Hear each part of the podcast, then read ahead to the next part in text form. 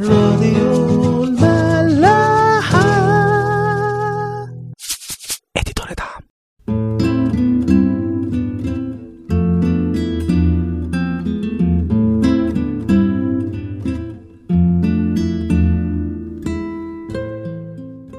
الإيمان يعني ثبات والثبات يعني علاقة مستمرة بالرغم من الظروف مش عشان الظروف. وإلا يبقى الثبات نابع من ارتياحنا مش بالرغم من ألمنا. وده ساعتها اللي بيدل على إيماننا بصلاح ربنا ومحبته. إننا نفضل ماسكين فيه بالصلاة لأن الصلاة هي الطريقة الوحيدة اللي نقدر نسقي بيها شجرة الإيمان بتاعتنا اللي بتنمو بحفظنا لوصايا ربنا عامة والمسيح خاصة. وساعتها بس هنبتدي نشوف ربنا بجد في حياتنا. وأول وأهم معجزة هنشوفها هي تغييرنا إحنا شخصيا. إلى تلك الصورة عينها. ولو في أي درس عملي نتعلم منه ده مش هيكون أكبر من اللي هيكلمنا فيه المسيح النهاردة. متى 19 أعداد 3 ل 12 وجاء إليه الفريسيون ليجربوه قائلين له هل يحل للرجل أن يطلق امرأته لكل سبب؟ فأجاب وقال لهم أما قرأتم أن الذي خلق من البدء خلقهما ذكرا وأنثى؟ وقال من أجل هذا يترك الرجل أباه وأمه ويلتصق بامرأته ويكون الأثنان جسدا واحدا. إذا ليس بعد اثنين بل جسد واحد. فالذي جمعه الله لا يفرقه إنسان. قالوا له فلماذا أوصى موسى أن يعطى كتاب طلاق فتطلق؟ قال لهم إن موسى من أجل قساوة قلوبكم أذن لكم أن تطلقوا نساءكم ولكن من البدء لم يكن هكذا. وأقول لكم إن من طلق امرأته إلا بسبب الزنا وتزوج بأخرى يزني والذي يتزوج بمطلقة يزني. قال له تلاميذه إن كان هكذا أمر الرجل مع المرأة فلا يوافق أن يتزوج. فقال لهم ليس الجميع يقبلون هذا الكلام بل الذين أعطي لهم. لأنه يوجد خصيان ولدوا هكذا من بطون أمهاتهم ويوجد خصيان خصاهم الناس ويوجد خصيان خصوا أنفسهم لأجل ملكوت السماوات من استطاع أن يقبل فليقبل. وعشان ما نتعبش بعض من الأول فأحسن حتة نبتدي بيها هي ختام كلام المسيح أصلا إن مش كل الناس هتقبل الكلام ده إنما بس اللي ربنا مديلهم الكلام ده. هو بيقول كده في يوحنا 10 27 خرافي تسمع صوتي وأنا أعرفها فتتبعني. فاللي عايز يسمع لازم يبقى جاهز يسمع كخروف للمسيح. عشان يقدر يقبل الكلام ده. ولو أنت جاهز يبقى أهلا بيك في حلقة جديدة من عيش وملح. معلش لو المقدمة دي كانت طويلة أو غلسة على أي حد بس فعلا هو ده المفتاح أصلا للكلام في مسألة تقيلة وبتلمس حياة أي حد فينا. يعني سواء المتجوز أو اللي مش متجوز أو اللي عايز يتجوز أو حتى اللي قرر ما يتجوزش بدعوة أو من غير دعوة. المهم إن إحنا كلنا هنكون بنتأثر أو بنأثر في الموضوع ده. وعشان كده مهم قوي قبل ما تسمع أو تخش في المناقشة دي على الأقل يعني كمسيحي إن أنت تكون عديت على كل المراحل والدروس اللي فاتت. وأهمها من وجهة نظري اللي إحنا لسه قايلينه إننا نلغي بقى أي منطق من العالم لأنه عمره ما هيركب مع الكلام ده. ولازم نسمعه من منطلق إننا خرفان أو عايزين نكون خرفان للمسيح مش أسود ونمور في الغابة اللي في العالم دي.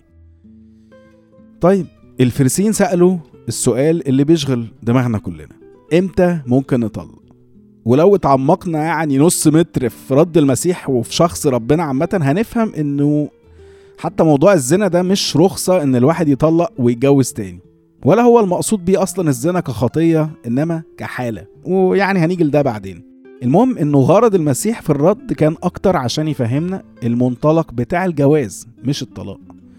وهو ده المفهوم اللي وصل له بولس برضه وهنلاقيه بقى في كورنثوس الأولى سبعة أعداد 10 و11 وأما المتزوجون فأوصيهم لا أنا بل الرب أن لا تفارق المرأة رجلها. وإن فارقته فلتلبث غير متزوجة. أو لتصالح رجلها ولا يترك الرجل امرأته. والحقيقة بيعجبني جدا هنا إنه كلام بولس كان متوجه للست مش الراجل. عشان لو فهمنا بقى الغرض من الجواز ودور الراجل فيه هنفهم إن أصلا ده مش اوبشن إن الراجل يسيب الست بتاعته. وده بقى السؤال الأحسن اللي إحنا المفروض نسأله.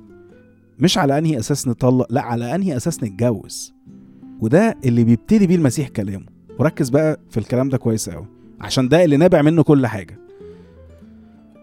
ربنا خلقنا راجل وست والست اتخلقت من الراجل عشان تكمله يعني هو من غيرها كان ناقص وهي من غيره ناقصة الهدف اللي هي اتخلقت عشانه إنها تكون جنبه تسنده وتكمله. تمام؟ ولما ربنا خلق حواء لآدم هو ما خلقش كذا واحدة يعني ينقي منهم أو العكس لا لأن ربنا عارف اللي هم محتاجينه في بعض. عشان يصيروا وحدة واحدة متكاملة للوصول ليه. فبيبقوا بقى روحين في جسد واحد زي ما قال المسيح. ده المفروض. طيب جت بقى الخطية شوهت كل حاجة. علاقتنا بربنا وعلاقتنا ببعض وعلاقتنا بكل حاجة حوالينا كلها بقى فيها ضعف وشقة. ومن ضمن الضعف ده إن حواء تشتاق لآدم وإن هو يسود عليها. حاجات بقى ملهاش أي علاقة بالأساس اللي خلقنا عليه ربنا. الاستقلالية وفي نفس الوقت التكامل والتناغم لا لا كل ده اتشوه. بس رغم كده وركز بقى في الحتة دي إن ربنا بعد الخطية برضه مفرقش أدم عن حواء إنما هو غير في نموذج العلاقة ما بينهم بحيث إن هما الاتنين برضه يوصلوا من خلاله لربنا من تاني. حتى لو الموضوع بيبدو غير كده إنما اللي عامله ربنا ده عشان نعرف نوصل له مع بعض من تاني. فربنا عمل إيه؟ إن بقت علاقة ربنا بالإنسان هي هي علاقة الراجل بمراته. عشان العلاقة دي بكل تعقيداتها برضو تفهمنا حب ربنا لينا. وزي ما ربنا بذل نفسه الراجل يبذل نفسه. وزي ما ربنا يحب للمنتهى الراجل المفروض يحب للمنتهى. وزي ما ربنا بيستحمل الخطية والبعد ووجع القلب الراجل المفروض يستحمل كل ده من مراته. لأنه السيادة اللي بقت عنده واشتياقها ليه ما هماش للتحكم فيها. إنما للمحافظة عليها. وده كنا قلناه زمان خالص وقت ما حصلت المشكلة دي. لحد بقى ما بيوصلوا هما الاتنين لربنا من تاني. ودي الصورة اللي قدمها بولس في أفسس 5 أعداد 22 33 حتة يمكن طويلة شوية بس حلوة جدا خلونا نقراها مع بعض. أيها النساء اخضعن لرجالكن كما للرب. لأن الرجل هو رأس المرأة كما أن المسيح أيضا رأس الكنيسة وهو مخلص الجسد. ولكن كما تخضع الكنيسة للمسيح كذلك النساء لرجالهن في كل شيء. أيها الرجال أحبوا نساءكم كما أحب المسيح أيضا الكنيسة وأسلم نفسه لأجلها. لكي يقدسها مطهرا إياها بغسل الماء بالكلمة. لكي يحضرها لنفسه كنيسة مجيدة لا دنس فيها ولا غضن أو شيء من مثل ذلك. بل تكون مقدسة وبلا عيب كذلك يجب على الرجال أن يحبوا نساءهم كأجسادهم. من يحب امرأته يحب نفسه فإنه لم يبغض أحد جسده قط بل يقوته ويربيه كما الرب أيضا للكنيسة لأننا أعضاء جسمه من لحمه ومن عظامه. من أجل هذا يترك الرجل أباه وأمه ويلتصق بامرأته ويكون الاثنان جسدا واحدا. هذا السر عظيم ولكنني أنا أقول من نحو المسيح والكنيسة. وأما أنتم الأفراد فليحب كل واحد امرأته هكذا كنفسه وأما المرأة فلتهب رجلها. وكل الصورة بقى المثالية دي عمرها طبعا ما هتتحقق غير بالمسيح. من غير ما نكون زي ما بدأنا كلامنا خرفان في خضوعنا ليه. وعشان كده كل ما العلاقة دي ما اتملت بربنا كل ما الاختلافات والتعب ووجع القلب ده ما بيقلوا وبيصغروا لحد ما يختفوا.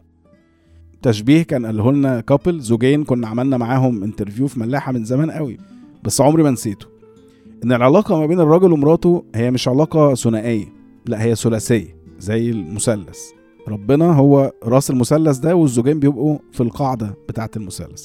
وكل بقى ما علاقتهم بربنا مقربت فبيطلعوا لفوق فبالتالي المسافة بينهم بتقل لحد ما بيوصلوا هما الاتنين لراس المثلث. ونرجع كلنا في اتحاد مع ربنا زي ما كنا قبل الخطية.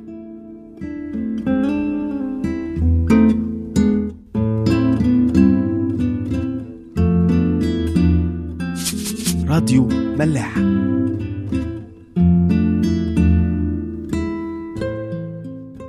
حد هيقول بص يا عم أنا مش مقتنع بولا كلمة بس هكمل معاك للآخر. فلنفترض إن الصورة المثالية دي ممكن تتحقق. وده بناء على إيمان الطرفين. أكيد دي حاجة عمرها ما هتحصل. لأنه أكيد حد من الطرفين أو حتى هما الاتنين هيقعوا. أو أصلا بقى ده مش هيكون في دماغهم قبل ما يتجوزوا. فهو أصلا الموضوع كله مبني على باطل. ماشي أنا معاك. وطبعا كل ده هيحصل يعني. مش بس في علاقة الجواز لا هي في كل أصلا محاولاتنا لحفظ أو تنفيذ وصايا ربنا. هنقع وهنطلب وهناخد نعمة وهنقوم تاني. وهنفضل في العملية دي لآخر يوم في حياتنا يعني. وزي بقى ما المسيح ورانا معجزات تحويل وبركة وشفاء وخلق وقيامة من الموت نفسه هو برضه ممكن يعمل كل ده في حياة أي زوجين بيطلبوه مهما كانت المرحلة اللي وصلوا لها أو مهما كان الأساس اللي هم بنوا عليه. وأقوى دليل على ده علاقة زي علاقة داوود وبتشبع يعني دول جوازهم مبني على بهدلة زنا وراه قتل وراه ابن من الزنا والابن ده مات. يعني مفيش أسوأ من كده أساس أو ذكريات لأي علاقة في الحياة. بس بنشوف برضو إن رغم كده ربنا ما قالهمش إن هما لازم يفترقوا. زي بالظبط ما عمل مع آدم وحواء. تخيل؟ لا ده خد دي كمان.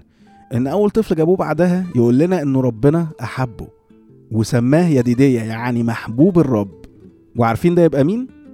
سليمان اللي مش بس هيملك بعد داوود وهيكون أعظم ملوك إسرائيل لا ده كمان اللي هيجي منه نسل المسيح شخصيا. شفت أغرب من كده؟ وكل ده بقى ليه؟ عشان ربنا دخل في العلاقة فقومها من الموت وحولها من مثال للخطية والنجاسة لمصدر للبركة والحياة. واللي ورا بقى الكواليس طبعا إن هو حول حتى نوع المحبة اللي كانت مبنية على الشهوة لمحبة بتاعته هو. يعني حد هيقول ماشي بس دول برضه متفقين. يعني هما في الخطية متفقين أو في الرجوع متفقين. طب افرض بقى حد من الطرفين بعيد أو رافض ربنا بأي شكل إيه ذنب الطرف التاني؟ يا جماعة هو ذنب إيه اللي إحنا بنتكلم عليه؟ ده إحنا عاملين في كل الحلقات اللي فاتت في حياتنا بنتكلم على قبول الألم ونتعامل معاه إزاي.